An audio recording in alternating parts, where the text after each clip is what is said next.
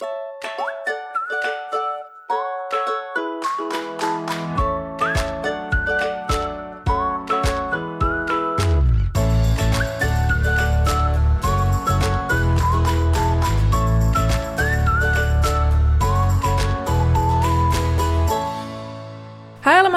welkom bij een gloednieuwe aflevering van de Wat ik wou dat ik wist podcast. De podcast waarin ik deel wat ik wel eerder had willen weten en verhalen vertel waar jij als twintiger hopelijk in herkent. Het onderwerp van deze week is daten in tijden van social distancing. En dat onderwerp komt niet helemaal uit de lucht vallen. Ik uh, heb vanavond namelijk weer een paneldiscussie. Ik heb het wel eens eerder verteld, maar ik uh, mag op een uh, jongere campus, of nou ja, eerder twintigerscampus, young professionals noemen ze dat dan, um, maandelijks een paneldiscussie leiden over allerlei verschillende twintigersonderwerpen. En um, daar was deze uitgekomen voor vanavond. Voor jullie, als je dit luistert, is dat dan gisteravond. En toen ik dat aan het voorbereiden was, toen dacht ik, nou, dit is eigenlijk ook een heel interessant onderwerp voor mijn podcast. Ik heb het wel eerder over daten gehad, maar uh, dit jaar is natuurlijk wel een heel bijzonder jaar voor daten. En um, ik heb ook heel veel input van jullie gevraagd via Instagram Stories. Daar had ik allemaal stellingen in geüpload en um, polls en vragen. En daar hebben jullie heel actief aan meegedaan. Dus um, dat wil ik ook in deze aflevering met jullie gaan delen. Dus ook eindelijk eens een uh, podcast die misschien interessant is voor de singles onder ons. Want er zullen vast ook een heleboel uh, goede tips voorbij gaan komen. Dus thanks als je input hebt geleverd via Instagram. Verder wil ik nog eventjes de community benoemen, die uh, sinds twee, drie weken misschien nu al bestaat. De uh, wat ik wou dat ik wist, community bestaande uit een Facebookgroep en een Discord server. Inmiddels zitten we op 182 Facebook leden en 115 Discord leden. Superleuk, alle mensen die zich hebben aangesloten. Uh, weet dat je je altijd kan aanmelden. De linkjes staan altijd in de beschrijving van elke podcastaflevering. Uh, sinds de honderdste in ieder geval. Um, dus kom er gezellig bij. Er zijn hele leuke gesprekken gaande. Ik vind het echt heel tof om te zien hoe iedereen elkaar beter aan het leren kennen is. Um, ja, dat was het eigenlijk wel. Uh, laten we het nu gaan beginnen met het lekker loeren blokje, waarin ik op een luchtige manier de week met je doorneem. Ik heb weer wat uh, uh, dingen op een rijtje gezet. En het eerste wat ik zag was dat Shawn Mendes een eigen Netflix-documentaire krijgt. Um, hij staat eigenlijk al online nu. Hij staat ook op mijn kijklijst. Ik ben toch wel heel erg benieuwd, want Um, Justin Bieber was dan wel iets jonger natuurlijk. Die was 10 of zo, 11, 12 toen hij bekend werd. Alleen uh, Shawn Mendes is, heeft eigenlijk een beetje hetzelfde verhaal. Die werd ook bekend door online video's. Volgens mij zat hij zelfs nog op Fine dat hij video's maakte. En op die manier dus ontdekt werd als zanger. Nou, we weten allemaal hoe dat verder is gegaan. Hij is nu echt een megaster. Uh, relatie met Camila Cabello. Um, ik zag ook een preview van de docu en daar heeft hij het dus ook heel erg over haar. Blijkbaar heeft hij heel veel nummers over haar geschreven toen ze nog niet eens een relatie hadden. Um, en het gaat ook wat dieper in over ja, wat het nou mentaal met je doet als je opeens zo ontzettend beroemd wordt. En natuurlijk ook een deel van je jeugd wordt afgenomen. Hij was 17. Um, nou, ik kan me wel herinneren hoe ik was toen ik 17 was. Ik kan me niet voorstellen als wat me zou, hoe ik me zou voelen als dat me zou overkomen. Uh, dus um, ja, ik ben wel heel erg benieuwd naar zijn verhaal. Ik vind het wel. Uh, um, op een gegeven moment ga je natuurlijk ook wel een soort lijn erin ontdekken. Omdat nu zoveel celebrities een documentaire maken. Dat ik soms dan ook denk van, oh ja, hier komt eventjes het stukje over een zware jeugd. Of hier komt eventjes het stukje over um, de mentale druk of zo. het wordt bijna een soort van uh, playbook wat je af kan lopen. Maar toch blijft het mij wel interesseren. En uh, elk verhaal is natuurlijk ook weer persoonlijk. Dus um, ja, tipje als je dat ook interessant lijkt. Hij staat nu dus op Netflix. Um, eigenlijk gaat bijna alles over uh, programma's, zie ik nu. Want het volgende nieuwtje is dat de startdatum van Heel Holland Bakt bekend is gemaakt. Dat is uh, echt mijn favoriete programma op de Nederlandse tv. Heerlijk kneuterig. Um, echt een programma ook voor de herfst, winter. En op 27 december start dus het nieuwe seizoen. Van mij mag dat dan wel echt in de herfst zijn. Voor mij had het nu wel mogen beginnen. Maar op 27 december is de eerste aflevering. En er is al gezegd dat dit wel een ander seizoen wordt dan andere seizoenen. Uh, onder andere gaan ze de tent natuurlijk twee keer zo groot maken, zodat iedereen voldoende afstand kan houden van elkaar. Heeft iedereen een coronatest, bla bla bla. En uh, er zijn dus nog wat andere veranderingen, maar die hebben ze nog niet bekendgemaakt. Dus daar ben ik ook wel heel erg benieuwd naar. Misschien dat ze een soort digitaal deel hebben. Um, dat bijvoorbeeld de inschrijvingen digitaal zijn verlopen. Zoiets kan ik me eigenlijk wel voorstellen. Um, ja, ik heb er weer mega veel zin in. Ik vind het zo heerlijk om te zien hoe mensen iets bakken. Gewoon überhaupt van niets naar iets gaan. Echt zo'n transformatie. Dat, dat, dat soort programma's, daar hou ik heel erg van. En daarnaast vind ik het ook heel leuk om die mensen beter te leren kennen. Want je leert ze toch een beetje beter kennen elke aflevering.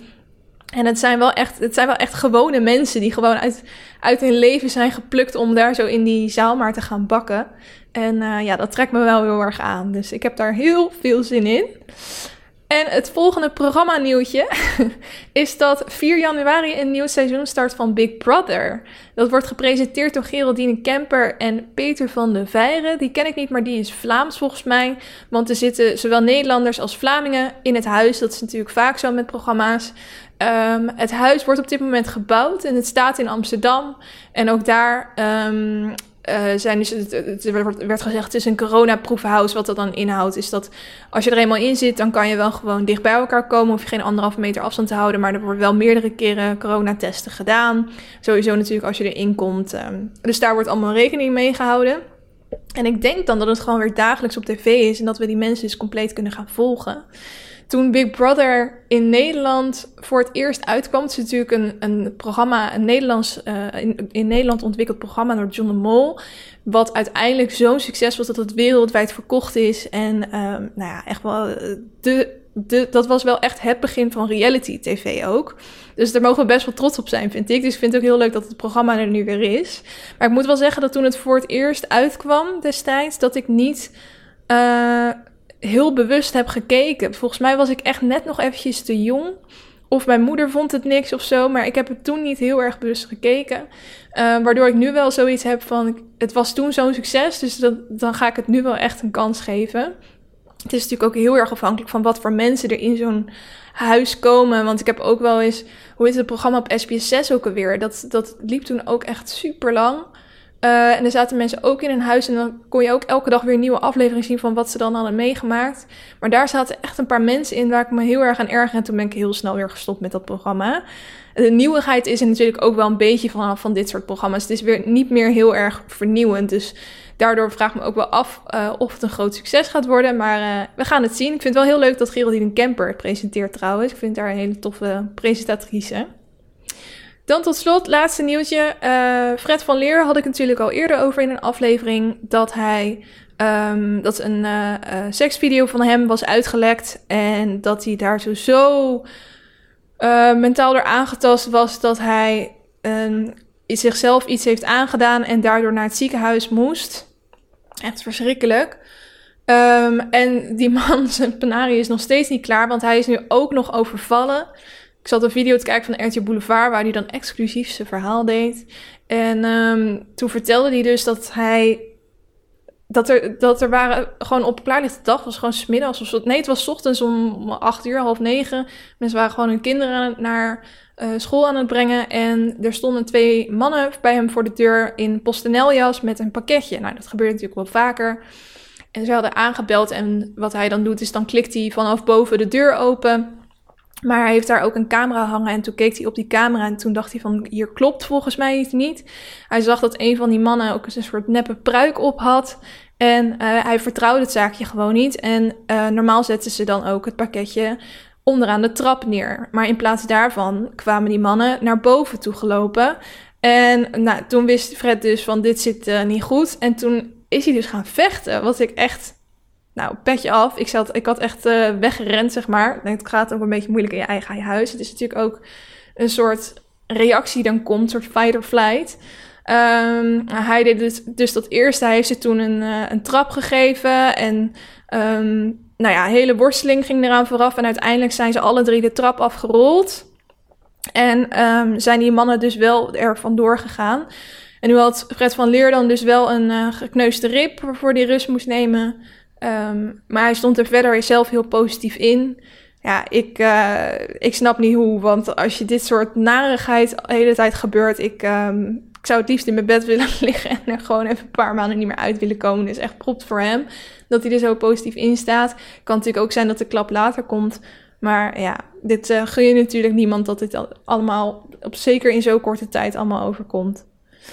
Um, dat was lekker lorenblokje. Dan ga ik nu door naar het elke elletje, waarin ik je lees, kijk en luistertips geef.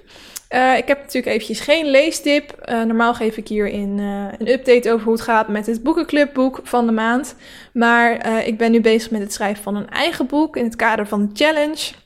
Dus um, ik ben op dit moment eventjes niet aan het lezen, want ik merk dan toch als ik zo aan het schrijven als aan het lezen ben, dat ik dan alleen maar ga denken van, oh, dit is, deze schrijf, schrijfstijl moet ik dan misschien ook hebben. Of deze, op deze manier wordt dit boek uh, geschreven. Misschien moet ik dat dan ook, weet je, ik, wil me niet te veel laten beïnvloeden. En daarnaast heb ik er ook letterlijk gewoon geen tijd voor om nog een boek ernaast te lezen, omdat het echt heel veel van mijn tijd in beslag neemt. Dus eventjes geen leestip, um, wel een kijktip. Misschien zou je denken van, jezus, wat ben je hier laat mee? Maar ik heb dus uh, gewacht totdat Undercover seizoen 2 volledig op Netflix stond. Want ze hadden weer wat leuks bedacht dat ze dan elke week een nieuwe aflevering uploaden. Om mensen natuurlijk langere tijd op Netflix te houden. Want als ze hem in één keer erop zetten, kunnen mensen denken, nou dan neem ik alleen voor Undercover een één maand een abonnement en dan uh, kap ik ermee. Dus op zich van hun, vanuit hun is dat natuurlijk hartstikke slim. Alleen uh, ik dacht, ja, ik, als ik het ga kijken, dan wil ik het wel gewoon in één keer achter elkaar kunnen kijken als ik dat wil. Dus ik heb nu eigenlijk pas heel uh, seizoen 2 van Undercover gezien. En ik vond het echt, echt een heel goed seizoen. Ik hoorde er verschillende meningen over. Sommige mensen die vinden het minder dan het eerste seizoen. Maar ik vind het heel knap hoe ze weer een nieuwe draai aan hebben kunnen geven. En ook um, het eerste seizoen speelde zich natuurlijk voornamelijk op een, uh, op een camping af. En nu hebben ze dan een uh, seizoen wat voornamelijk op een manege afspeelt. En ook weer met dat gekke accentje. Ja, ik, ik vind dat toch zo knap. Dan zie ik dan acteurs erin spelen waarvan ik weet dat ze niet uit die streek komen. En dan wel dat, dat accent kunnen nadoen. Vind ik echt heel knap.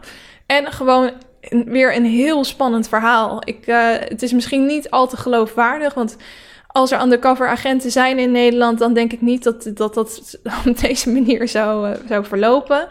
Um, maar desondanks uh, heel goed verhaal. En uh, ja, we hebben het echt. Ik heb samen met mijn vriend zitten kijken. Um, van elke aflevering genoten. En wilde alleen maar heel snel verder kijken elke keer. Heel verslavend. Dus uh, ja, wat mij betreft zeker een aanrader. Dus mocht je nog niet gezien hebben, Undercover seizoen 2 of seizoen 1 overigens. De hele serie is gewoon echt fantastisch. Je zal er vast meer mensen over gehoord hebben. Het is wel echt een van de beste Nederlandse series van het moment. Dus ga het zeker kijken. En tot slot, luistertip. Um, dit zijn twee artiesten die ik, eh, ja, ik denk misschien wel een half jaar of jaar geleden wel eens genoemd heb. Maar ik uh, wil ze toch nog even benoemen, want dit zijn een beetje de artiesten die ik nu heel fijn vind om naar te luisteren. Eerste is een uh, meisje, Tate McRae. Die um, wordt nu ook steeds vaker op de radio geluisterd. Ik hoorde er pas opeens op de radio. Is volgens mij vooral bekend door TikTok, omdat haar liedje daar viral ging. Maar zij is pas 17 jaar, misschien is ze nu 18, maar is bekend was pas 17 jaar en zij schrijft haar liedjes zelf en ze zijn echt mega goed. Uh, heel verslavend ook weer, dus um, zoek haar zeker op. T-A-T-E spatie M-C-R-A-E.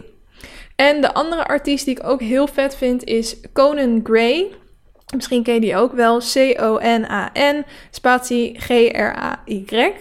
En uh, hij maakt echt van die hele dromerige indie muziek. En um, ik volg hem ook al een tijdje op, uh, op Instagram en YouTube. En um, ik weet niet, ik vind, zijn, uh, zijn hele vibe of aesthetic. ik voel me al te oud als ik het woord aesthetic gebruik. Maar vind ik uh, heel tof. Heel anders dan wat ik gewend ben. En daar hou ik juist wel van om me open te stellen voor ander soort muziek, ander soort mensen, uiterlijk, whatever. Um, de State McRae en Koning Gray. Dat rijmt ook nog. Ga ze opzoeken. Goed, dan gaan we nu door naar het hoofdonderwerp: daten in tijden van social distancing. Ik um, zat natuurlijk voor de honderdste aflevering te kijken naar wat mijn populairste afleveringen waren. Um, gewoon van van de volledige tijd dat ik deze podcast maak. En bovenaan stonden toch wel heel veel afleveringen over daten, relaties en eigenlijk gewoon liefde in het algemeen. Bijvoorbeeld, vind je hem leuk of vind je het idee van hem leuk? Dat was bijvoorbeeld een hele populaire aflevering.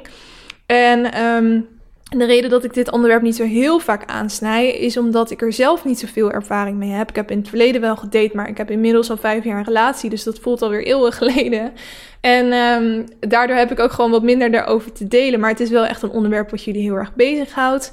En um, nu ik ook deze, uh, de, de paneldiscussie voor vanavond aan het voorbereiden was, dacht ik, ja, ik moet ook gewoon weer eventjes een podcastaflevering hierover maken.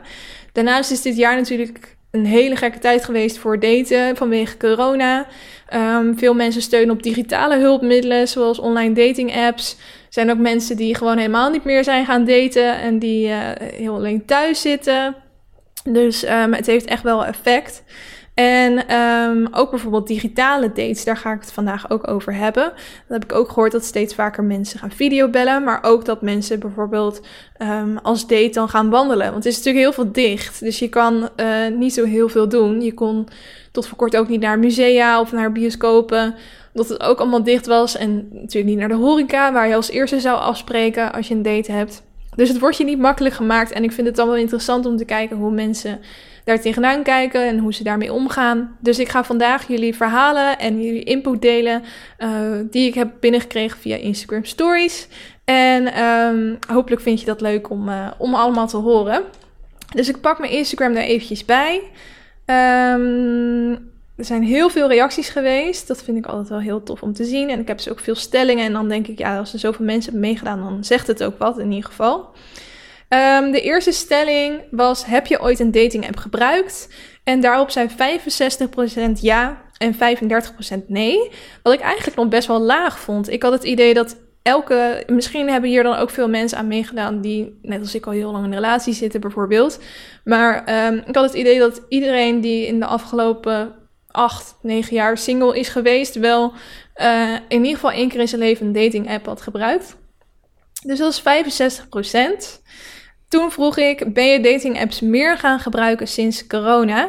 Dat idee had ik wel, omdat je natuurlijk niet meer echt mensen kan ontmoeten in het echt nu. In ieder geval, je kan bij de bushalte met je mondkapje op misschien uh, eventjes uh, glimlachen naar iemand, maar dat zie je dan ook niet echt door het kapje. maar um, ja, de meeste openbare ruimtes zijn natuurlijk gesloten, dus dat maakt het wel wat lastiger. lastiger. Maar uh, 27% zei ja, ik ben dating apps meer gaan gebruiken tijdens corona. En 73% zei nee. De volgende vraag was: Ben je dit jaar op een virtuele date geweest? Dus ben je gaan videobellen um, met iemand? En uh, dat was nog lager dan dat ik had verwacht. 8% zei ja en 92% zei nee. Maar dat betekent wel dat uh, er alsnog 60 mensen waren die ja zeiden. Dus 60 volgers van mij hebben afgelopen jaar een, um, een virtual date gedaan. Dus uh, die zijn gaan videobellen. Dus dan vond ik het ook wel interessant om eens te vragen hoe die ervaring nou was. Dus daar heb ik allemaal reacties op binnengekregen en ik zal er een paar voorlezen. Evelien zegt: We hebben audio gebeld en het was prima. Uh, goed voor een eerste indruk en het is wat laagdrempeliger. Kan ik me ook wel voorstellen. Want je, zit, je hoeft in principe geen broek aan. Als je dat zou willen. Maar je kan natuurlijk gewoon in je bed liggen, eventueel. En dan van boven wel iets leuks aan doen. Je hoeft niet uh, door weer en wind naar een café toe. En uh, als je denkt na die date van nou, dit, dit, is het, dit is hem gewoon niet, dan klap je hem dicht en dan ben je gewoon weer in je eigen omgeving. Ik kan me wel voorstellen dat het eigenlijk best wel fijn is. Anna zegt in het begin wel ongemakkelijk, maar wel grappig achteraf. Je komt ook uit je comfortzone. Dat kan ik me ook wel voorstellen. Ik vind het zelf nog steeds spannend, want ik moet nu natuurlijk ook heel veel videobellen vanwege mijn werk. Allemaal dingen die normaal in het echt zouden zijn geweest. En um, ja, het, je hebt toch gesprekken gaan toch anders op een of andere manier. En uh, ik moet me ook altijd wel eventjes overheen zetten voordat ik dan die knop indruk. Dus dat kan ik me wel voorstellen dat je dan uit je comfortzone komt. Um, Verena zegt ongemakkelijk in het begin, maar het werd steeds minder. Milou zegt verrassend leuk. Zegt meteen veel meer dan Tinder met alleen appen. Uh, bijvoorbeeld stem horen. Dat is natuurlijk ook wel zo. Wel zo. Ik vind een stem ook wel uh, uh, heel belangrijk. Um, om een beeld van iemand te krijgen. Romy, goede manier om een eerste indruk te krijgen. Kan je ook niet echt teleurgesteld worden in het echt. Dat is zeker waar. Je kan moeilijk liegen in een videochat. Maartje zegt in het begin vond ik me wel ongemakkelijk, maar toen ik eenmaal door was, dus aanstekens, was het leuk. Merel, in het begin heel ongemakkelijk, maar wel fijn om iemands stem te horen in plaats van tekst. Uh, Annika, fijn om iemand op afstand toch te leren kennen. Met de goede persoon is het niet awkward. Uh, je zit toch iemand raar. Het is toch vreemd om op die manier iemand te leren kennen. En dat lijkt me ook wel dat je dan in die videocall komt en dan zo... Hey, wie ben jij? Nou, je weet op zich wel wie, wie de ander is door die dating app waarschijnlijk, maar toch. Um, Pascal zegt eng, ik was verlegen en zij ook. Ja, dat maakt het niet makkelijker op. Uh, iemand zegt ook apart was niet echt zo leuk als een normale date. Dat kan ik me ook wel voorstellen. Je moet natuurlijk best wel moeite doen om er ook iets leuks van te maken. Want normaal zou ik bijvoorbeeld met een eerste date dan naar een spelletjescafé gaan of naar uh, ja, iets waar je een activiteit kan doen, zodat je nog iets anders hebt om over te praten. En bij videobellen zit je natuurlijk gewoon echt tegenover elkaar. Um, even kijken met mijn vriend. Hij had corona, we zagen elkaar een tijd niet, dus een online date. Nou ja, dan is het natuurlijk een stuk minder ongemakkelijk. Best, Evelien zegt best wel awkward. Ik heb ook geen date meer gehad met diezelfde jongen. Lauren ook heel ongemakkelijk. Uh, Jon zegt, we hadden beide wat speciaal weer gehaald en zijn op feest aan proeverij gaan. Nou, kijk, dat is nou wel weer een heel leuk idee. Je kan natuurlijk wel op een creatieve manier ermee omgaan. Volgens mij kan je ook um, wel quizzen doen en zo, die je dan online koopt of via een website doet, dat je dan toch nog een soort activiteit eraan verbindt. Of inderdaad wijn of bier bestelt en dat dan gaat proeven. Uh, en tot slot zegt iemand, hangt natuurlijk van de persoon af, maar doorgaans was het echt heel gezellig. Nou, superleuk om te lezen allemaal. Uh, volgende was, vind je dating apps fijn? 30% zei ja en 70% zei nee. Dus meer dan, ja, de meerderheid, de grote meerderheid, vindt eigenlijk dating apps helemaal niet fijn. En toch heb het idee dat wel heel veel mensen ze blijven gebruiken. Um, ik heb daarom natuurlijk eventjes gevraagd wat mensen dan zo fijn vinden aan dating apps en wat ze niet fijn vinden aan dating apps. Begin even met positieve. Wat vind je fijn aan dating apps? Uh, je kan in contact komen met heel veel mensen. Het is toch een soort van anoniem en veilig type. Achter je telefoon is makkelijker. Iemand zegt, ik heb maar een relatie van 6,5 jaar aan overgehouden en still counting. er zijn heel veel um, Tinder-relaties volgens mij. En Tinder-babies vast ook wel, Tinder-huwelijken. En toch vinden mensen het altijd stom, hè? Als je dan moet zeggen, uh, hoe hebben jullie elkaar ontmoet? En dat je dan moet zeggen, ja, via Tinder. Dat, ik voel altijd een soort van uh, terughoudendheid bij mensen als ze dat moeten zeggen. Uh, mensen ontmoeten de avonturen en spanning van iemand ontmoeten, nieuwe verhalen. Anne zegt, ik vind het fijn om vooraf een beetje te bepalen of ik iemand beter wil leren kennen. Daar zit natuurlijk ook wat in. Um, Angelique, eerst contact leggen is makkelijk. Je hoeft niet in echt op iemand af te stappen. Wat ik wel jammer vind is dat doordat we die apps hebben, we ook minder in het echt op mensen gaan afstappen. Want ik vind dat dat ook wel heel erg zijn charme heeft.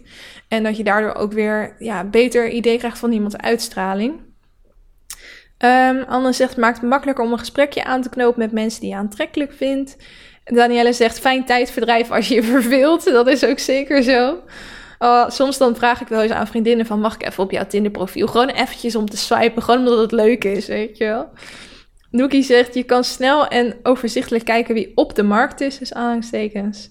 Dat is natuurlijk wel zo, als je het echt iemand aanspreekt, dan weet je nooit of diegene ook daadwerkelijk single is en heb je meer kans om af te gaan. Um, het is ego-strelend, dat, dat is ook zeker waar. Als je ziet dat je een match hebt met iemand, dan is dat toch weer goed voor je ego. Um, Isa zegt heel erg maar de aandacht. Haha, lekker vermaak en een beetje horen dat je knap bent. ja, waarom niet mensen? Waarom niet? Um, eigenlijk vond ik het nooit fijn totdat ik wel gewoon een keer op date ging. En dan is het heel leuk. Dat is denk ik ook heel persoonlijk. Wanneer je nou um, moet stoppen met praten. Weet je, sommige mensen die hebben zoiets van: ik, ik heb één gesprek met iemand. En daarna gaan we gewoon afspreken of we kappen ermee. En andere mensen die hebben weken appcontact of zelfs alleen nog binnen Tinder. En dan uh, um, gaan ze eindelijk eens een keer afspreken.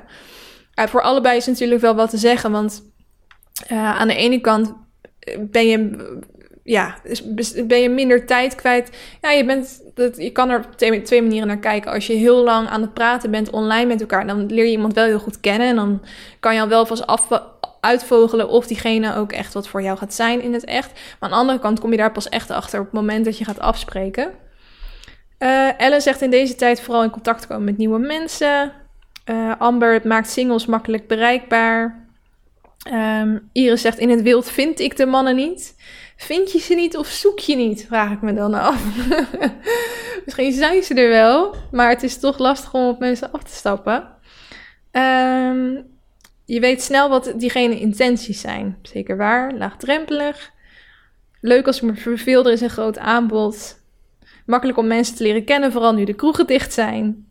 Um, nou ja, heel veel eigenlijk. Scroll nog eventjes doorheen of ik nog iets, iets opvallends zie. Dat ik er de liefde van mijn leven mee heb gevonden. Ah, oh, Tim, gefeliciteerd met de liefde van je leven. gaan we nu iets negatievere kant op. Want 70% van de mensen zegt dat ze dating apps niet fijn vinden. Wat vinden ze er dan niet fijn aan? Evelien zegt, je hebt nog geen idee hoe de persoon is in het echt. En vaak zijn gesprekken tijdsverspilling. Bruin zegt dat er foto's van mij online staan en dat ik niet weet wie dat kan zien. Ja, dat is natuurlijk wel een stukje kwetsbaarheid die je dan opgeeft. Um, het kan erg tegenvallen in real life, zegt Noor. De rare mensen af en toe en alle gesprekken onderhouden dat weet ik nog wel in de korte tijd dat ik zelf op Tinder zat, dat ik het echt ontzettend vermoeiend vond om met iedereen maar een, een gesprekje te voeren. En dan moest je het liefst ook nog met iets, eh, een leuke openingszin komen. En vaak waren de gesprekken die begonnen dan toch allemaal een beetje op elkaar te lijken. Um, Kiek zegt een beetje oppervlakkig. Anne zegt het allerbelangrijkste is dat je de klik niet ervaart via een app. Ja, dat is eigenlijk wat ik net zelf ook al zei. Um, Anne zegt, vaak bloedt het al dood voordat er een date wordt gepland en de, oppervlakken, de gesprekken blijven oppervlakkig. Um, Nicky zegt, mensen met verkeerde bedoelingen en catfish-foto's. En wat ik het meest voorbij zie komen, ik zat gisteren al eventjes te kijken, is vleeskeuring. Uh, er zijn echt, uh, dat, dat vinden jullie heel naar aan, dat uiteindelijk voornamelijk over je uiterlijk gaat, of in eerste instantie om je uiterlijk, en dat je daarop afgekeurd wordt, ja of nee. Um, het duurt lang, ja. Keuze wordt gemaakt op uiterlijk, foto's. En 9 van de 10 keer wordt er niet gereageerd op berichten, zegt Faith ook. Dat vind ik wel vervelend aan de, veel, strategie die ook veel mannen toepassen. Want die hebben, heb ik van veel mannen gehoord. Hè? Ik wil niet zeggen dat ze het allemaal doen. Maar dat uh, veel mannen gewoon zonder te kijken eigenlijk gewoon alles naar... Weet niet eens meer of het rechts of links is, maar uh, naar positief stemmen, zeg maar omdat ze weten dat vrouwen een stuk selectiever zijn. En dat ze dan in ieder geval een paar beter hebben. En dan gaan ze daarna pas kijken, als er een match is, of ze diegene ook daadwerkelijk leuk vinden. Maar ja, dan heb je als meisje dan heel specifiek een, een keuze gemaakt. En dan verwacht je wel dat er ook een gesprek op gang komt. En volgens mij is ook toch wel een beetje de regel van uh, als jij degene bent die diegene um, heeft geswiped. Dus eh, jij bent aan het swipen en jij krijgt een melding van het is een match. Dat jij dan ook degene bent die een gesprek begint. Dus als dat, als jij dat dan, als dat dan die man is, dan heb je dus allemaal doodbloedende gesprekken. Beetje generaliserend, maar je snapt waarschijnlijk wat ik bedoel. Uh, Maartje zegt het kan bijna verslavend werken. Te veel keuze, waardoor je ook snel te kritisch gaat worden. Dat is ook wel zo, omdat je, je, je, traint ook eigenlijk je brein in wat je wel en niet leuk vindt. En omdat er zo ontzettend veel is, kan je al snel denken van ja, als iemand niet lang genoeg is, of als iemand gekke oren heeft, of nee, die heeft echt een lelijke broek aan op deze foto, dat je op dat soort kleine dingen al mensen kan gaan afkeuren. Terwijl als je diegene in het echt zou ontmoeten, zou die misschien een hartstikke leuke outfit aan hebben en zou je zijn uh, uitstraling ontzettend aantrekkelijk vinden, of de manier waarop hij praat, of zijn handen beweegt. Het zijn soms zulke kleine dingen die aantrekkelijk kunnen zijn. Um, Chris zegt het contact, real life ontmoeten past gewoon beter bij mij. Um, Merel zegt de deelnemers zijn vaak niet serieus. Wolfie zegt dat je een mindere indruk hebt van iemand in het echt, doordat je chat met elkaar. Um, Emma zegt, je weet niet of er in het echt ook aantrekkingskracht is en ik ben iemand die op persoonlijkheid valt. Um, ja, iemand kan zo anders zijn in het echt. Dat is het voor, vooral eigenlijk. Er zijn, en, oh, en iemand zegt ook, mannen zoeken er niet naar een relatie. De vraag me ook wel af hoe jullie hierover denken. Want ik hoor ook wel eens dat uh, Tinder bijvoorbeeld inmiddels al uh, een soort van gedowngrade is naar een app waar mensen dan alleen zit, op zitten voor seksdates. En dat er nu weer andere apps zijn um, waar je dan naartoe moet, zoals Hinge of Bumble of wat dan ook. Om dan, uh, omdat daar weer ander soort mensen op zitten die ook naar iets anders op zoek zijn dan alleen naar seks. Uh, Janine, alle stomme jongens die je vervelende berichtjes sturen. Ja, maar die heb je als goed is wel zelf geswiped. Dus als ze stom zijn, dan heb je het toch zelf gedaan. Of je kwam er natuurlijk later pas achter dat ze stom waren. Ik, uh, ik denk dat ik het, het, meeste wel uit heb. Onpersoonlijk, oppervlakkig, vleeskeuring. Oké, dan gaan we door naar het volgende. Um, ik had toen een aantal stellingen, zes stellingen uh, erin gegooid. De eerste stelling was: daten in 2020 is moeilijker dan in andere jaren. En daar zei 88% eens en 12% oneens. En wat ik dan wel interessant vind, is dat er dus niet per se meer mensen um, dating apps zijn gebruiken in dit jaar. Waardoor ik het idee heb dat mensen gewoon zoiets hebben van ja, als het niet in het echt kan, laat dan maar. Want dating apps zijn niet echt iets voor mij. Um, en dat was natuurlijk ook 70% die zei dat ze dating apps eigenlijk helemaal niet fijn vinden. Stelling 2 is: Ik vind het leuker om iemand in het echt te ontmoeten dan op een dating app. En daar is 95% eens en 5% oneens. En dat laat het dan ook wel zien. Alleen wat ik dan wel gek vind is dat um, bij de voordelen van een dating app werd weer heel veel gezegd dat het fijn is dat je niet in het echt op iemand af hoeft te stappen. Dus dat je dat gewoon online doet. En ik ken ook een aantal vriendinnen. Die, dat is ook zo, oh, zo bijzonder. Um, dat zij dan bijvoorbeeld in um, uh, de trein zitten en een knappe jongen zien. En dat ze dan op Happen gaan kijken of diegene op die app zit. En ik snap het op zich ook wel, want als hij op die app zit, dan weet je in ieder geval zeker dat hij single is.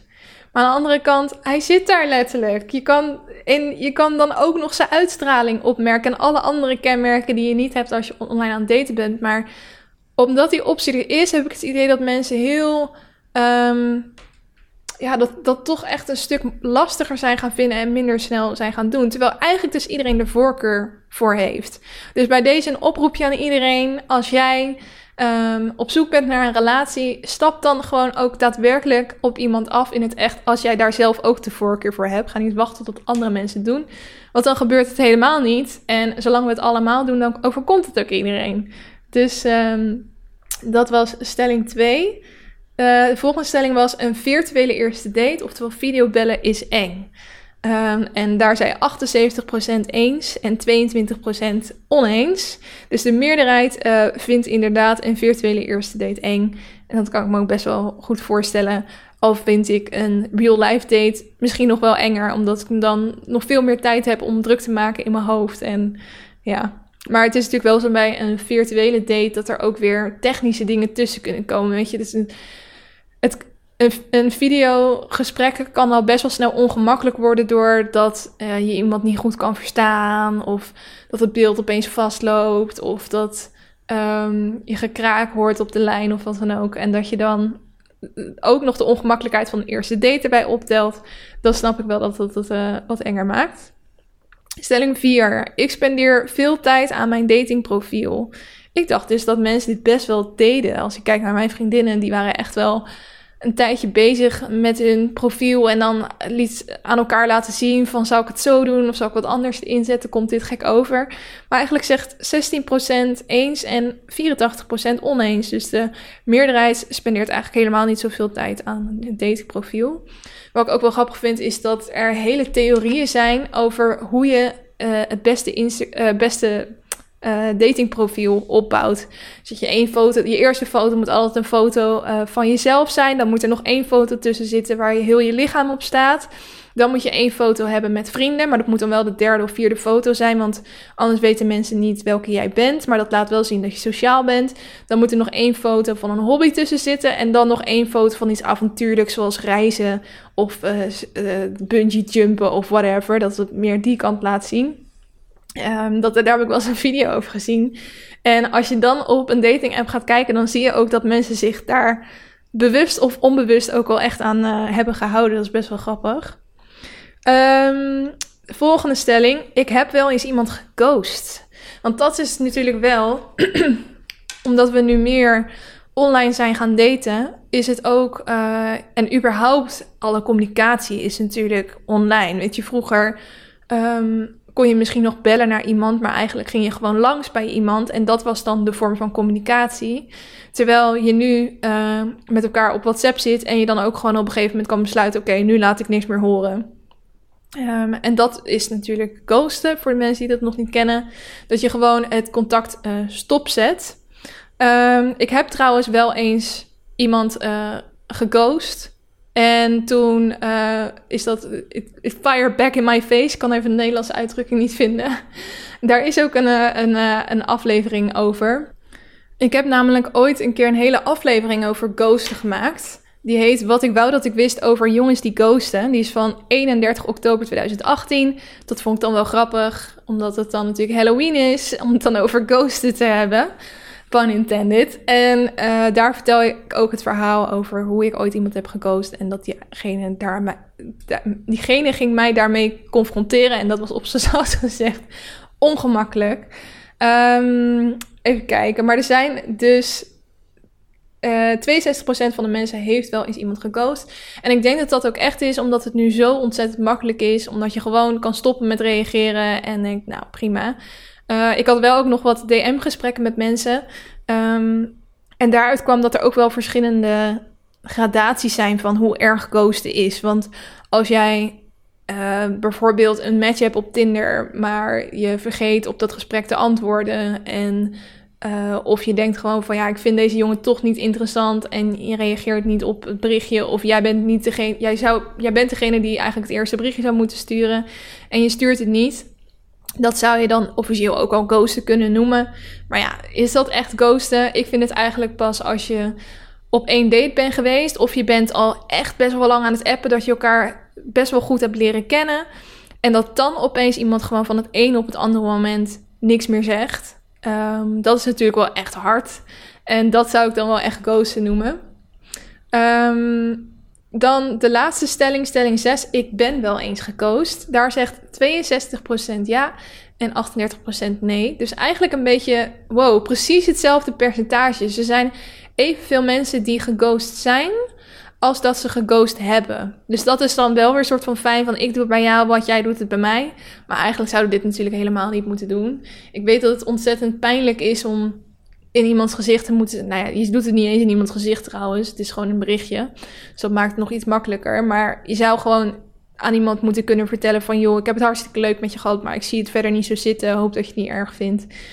Al hoor ik ook wel eens van mensen dat zij dat soms nog erger vinden om te krijgen dan dat iemand helemaal het gesprek stopzet. Maar daar ben ik het zelf eigenlijk niet mee eens. Want ik heb zelf liever dat ik weet waar ik aan toe ben, dan dat ik nog dagen ga zitten en nadenken van ja, hij stuurt niks meer. Zal dat nou zijn omdat hij het gewoon druk heeft? Hij zei wel dat hij een drukke week had op werk, maar misschien ligt het wel aan mij, weet je.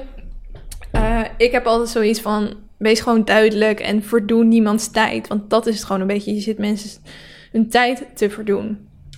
Dat waren alle uh, stellingen die ik in mijn stories had verwerkt. Ik ga ook nog eventjes naar mijn DM's, want daar had ik ook nog wat berichtjes. Um, namelijk, ik vond deze wel grappig. Uh, iemand vertelde in mijn DM's over een nieuwe app, dus misschien vinden jullie ook wel interessant. Dus Vera die zei, ik vind uh, nee ze zei, um, ik vind het vervelend aan dating apps dat je eerst door een heel uh, appgesprek heen moet voor je afspreekt. Je hebt vaak dat zo'n gesprek dan een hele dag of meerdere dagen een beetje doorsluimert. En dat is heel vermoeiend als je dat met al je matches moet doen. Ik vind het zelf heel erg fijn als zo snel mogelijk duidelijk is of iemand af wil spreken, ja of nee. Dat snap ik heel goed. En toen zei zij, ik vind de nieuwe app Breeze daarom trouwens ook een supergoed concept. Wilde ik toch nog even toevoegen. Ik ken het nog niet, dus ik vroeg toen, wat is het idee van die app? En toen zei zij, je krijgt om de zoveel dagen twee profielen te zien. En voor allebei die profielen kies je of je wel of niet met ze op date wil. Als de match is, regelen de mensen van de app een date voor je met tijd en locatie. Dus je zou dan helemaal niet hoeven appen met diegene voor de date.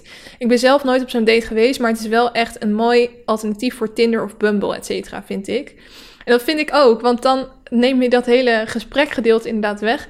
Het is wel bijna een soort blind date. Je weet wel, de, je hebt diegene zijn datingprofiel gezien, maar um, je leert pas echt een beetje kennen hoe iemand is en hoe die praat en doet als je natuurlijk uh, begint te appen met iemand. Dus het is, het is wel spannend, maar ik zou hier ook wel, denk ik, toch de voorkeur aan geven, omdat je dan. Er zit een soort van deadline aan ook van oké, we gaan op date of niet en dan is klaar. Dus die wilde ik eventjes genoemd hebben. Het heet uh, Breeze, Breeze Through the Wind. Um, als je dat interessant lijkt, dan is dat misschien een leuke dating app. Tot slot wilde ik ook nog eventjes een berichtje van uh, iemand in mijn DM uh, noemen van Eva. Zij zei, hey, ik zat te denken om een bericht in jouw community te plaatsen... om te vragen of iemand een single heeft die op date wil.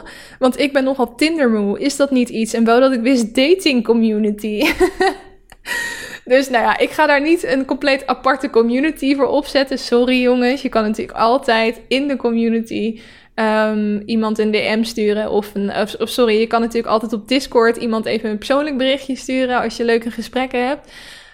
Um, maar uh, ik vind het wel heel stoer, Eva, als jij en of iemand anders, wie dan ook, die nu luistert en denkt van, dat wil ik ook. Want er zitten superveel mensen in de Wat ik wou dat ik wist community. Er zijn toch al wat overeenkomsten. Misschien is het juist wel heel tof als uh, jullie die community gebruiken om elkaar te koppelen aan anderen. Dus um, Eva of wie dan ook die luistert, doe dat zeker. Plaats een bericht in de Facebookgroep bijvoorbeeld. Uh, met een beetje informatie over wie je bent, naar wat voor iemand je op zoek bent. En wie weet denkt iemand wel uit de groep van... hey, ik heb daar echt nog wel een leuk iemand voor. Ik ken iemand die single is. Die ook op zoek naar een relatie, een date. En dan kun je op die manier uh, elkaar koppelen. Dus uh, ja, ik ben er helemaal voor om in ieder geval aan de Wat ik wou dat ik wist community een date element toe te voegen. oh, misschien krijgen we dan ook wel Wat ik wou dat ik wist baby's en Wat ik wou dat ik wist huwelijken. Mag ik dan wel op jullie huwelijk komen, jongens? Dat zou ik dan wel heel leuk vinden. ik loop een beetje op de zaken vooruit misschien. Oké, dat uh, was het hoofdonderwerp. Ik hoop dat je het uh, interessant vond. Voor mij ook handig om alvast wat voorbereiding te hebben voor vanavond. En um, dan sluit ik af met het update over de challenge. Want uh, in deze maand, de maand november, doe ik mee met NaNoWriMo. Het doel is om in één maand een uh, boek van 50.000 woorden te schrijven, fictie dus. En um, ik loop nog steeds redelijk op schema. Ik heb nu 37.000 van de 50.000 woorden. En ik heb nog tot aankomende maandag. Aankomende maandag is het 30 november. Dus dat is de laatste dag en dan moet ik het ook echt af hebben. Um, ik heb nu wel steeds vaker dat ik dagen skip. En dat betekent dat ik dan de volgende dag extra moet schrijven. Dus ik denk dat ik dit weekend ook wel echt eventjes een inhaalslag moet gaan maken. En omdat je nu al zo lang bezig bent met het boek, merk je dat je toch een beetje. Um, ja, inspiratieloos wil ik het niet noemen, maar dat je. Um, ik word een beetje moe van mijn eigen schrijfgedrag. Dan, dan, ik word kritischer op mezelf. Nu denk ik elke keer als ik iets schrijf van ja, dit is echt niet interessant. Dit is compleet uh, creativiteitloos geschreven. En um, dan stop ik weer en dan ga ik weer dingen herschrijven. Terwijl je dat dus absoluut niet zou moeten doen. Het idee is echt dat je gewoon door blijft schrijven. En uh, gewoon naar dat woordenaantal gaat. En je gewoon iets hebt staan. En niet dat het perfect is. Maar er komt nu. Dat was de eerste weken nog niet, maar nu komt wel die uh, perfectiedrang bij mij naar boven. Dus dat vind ik wel lastig om, eh, om mee te dealen in deze laatste week. Maar eh, ik kijk er heel erg naar uit om straks gewoon te kunnen zeggen: Damn, ik heb in november gewoon een boek van 50.000 woorden geschreven. En dan komt daarna natuurlijk nog de periode dat ik het helemaal mag gaan herschrijven en verbeteren. En dan hopelijk heb ik uiteindelijk een versie die ik um, op mijn website kan zetten, zodat jullie hem kunnen downloaden. Dat zou natuurlijk super cool zijn. En ja, ik hou je op de hoogte. Volgende week hoor je dus of het me is gelukt om de 50.000 woorden te, halen. De aflevering van volgende week gaat ook over deze challenge, hoe deze challenge me is vergaan in het algemeen. Wat voor trucjes ik heb gebruikt om mezelf toch maar te blijven motiveren om te schrijven, bijvoorbeeld. Of um, bronnen die ik handig vond voor tijdens het schrijven. Um, nou ja, gewoon wat, wat tips. Stel dat jij ooit ook mee wil doen aan NaNoWriMo of überhaupt een keer zelf een boek wil gaan schrijven. Uh, dat ik daar gewoon wat tips voor geef. Want ik ben geen schrijver. Uh, de NaNoWriMo organisatie vindt dat ik mezelf dat nu al wel mag noemen. Krijg ik af en toe mails van, je bent een schrijver. Um, maar ik heb nooit ik heb één creatief schrijven cursus gehad volgens mij. En ik heb het altijd als hobby gedaan vroeger. Maar uh, ik heb het nooit op die manier nagejaagd met het idee van ik ben slash word schrijver. Ik heb gewoon op een gegeven moment besloten, eigenlijk een paar dagen voordat de maand november begon, oké, ik ga in die maand een boek schrijven. Um, dus gewoon ook om het wat, het wat laagdrempeliger te maken. Want ik weet dat er zoveel mensen zijn die dit graag willen. En die er heel erg tegenop zien of het groter maken in hun hoofd dan dat het is. Dus misschien uh, dat ik daarbij kan helpen. Dus dan uh, weet je dat alvast dat de volgende volgende week die aflevering daarover gaat. En voor de maand december heb ik dan ook weer een nieuwe challenge en een nieuw boek nodig. Dus als je daar ideeën voor hebt, stuur ze me dan vooral door uh, via DM. Misschien plaats ik ook nog wel even een bericht in de community. Of jullie daar ideeën over hebben. Um, want daar kan ik zeker hulp bij gebruiken. ik vind het alleen maar leuk als jullie met me meedenken. Dat was het voor deze aflevering van deze week. Ik hoop dat je het uh, interessant vond. Dat je er inspiratie uit hebt gehaald. Maar vooral dat je je misschien gesteund voelt door andere mensen die ook het lastig vinden om in dit jaar, in deze gekke tijd van social distancing, nog te kunnen daten, nieuwe mensen te kunnen ontmoeten. En ja, dat je gewoon wat herkenning daarin hebt gevonden. Dat steunt mij in ieder geval heel erg als ik met bepaalde onderwerpen deal en ik merk dat andere mensen uh, in hetzelfde schuitje zitten. Um, dus thanks voor het luisteren en uh, tot volgende week. Doei doei!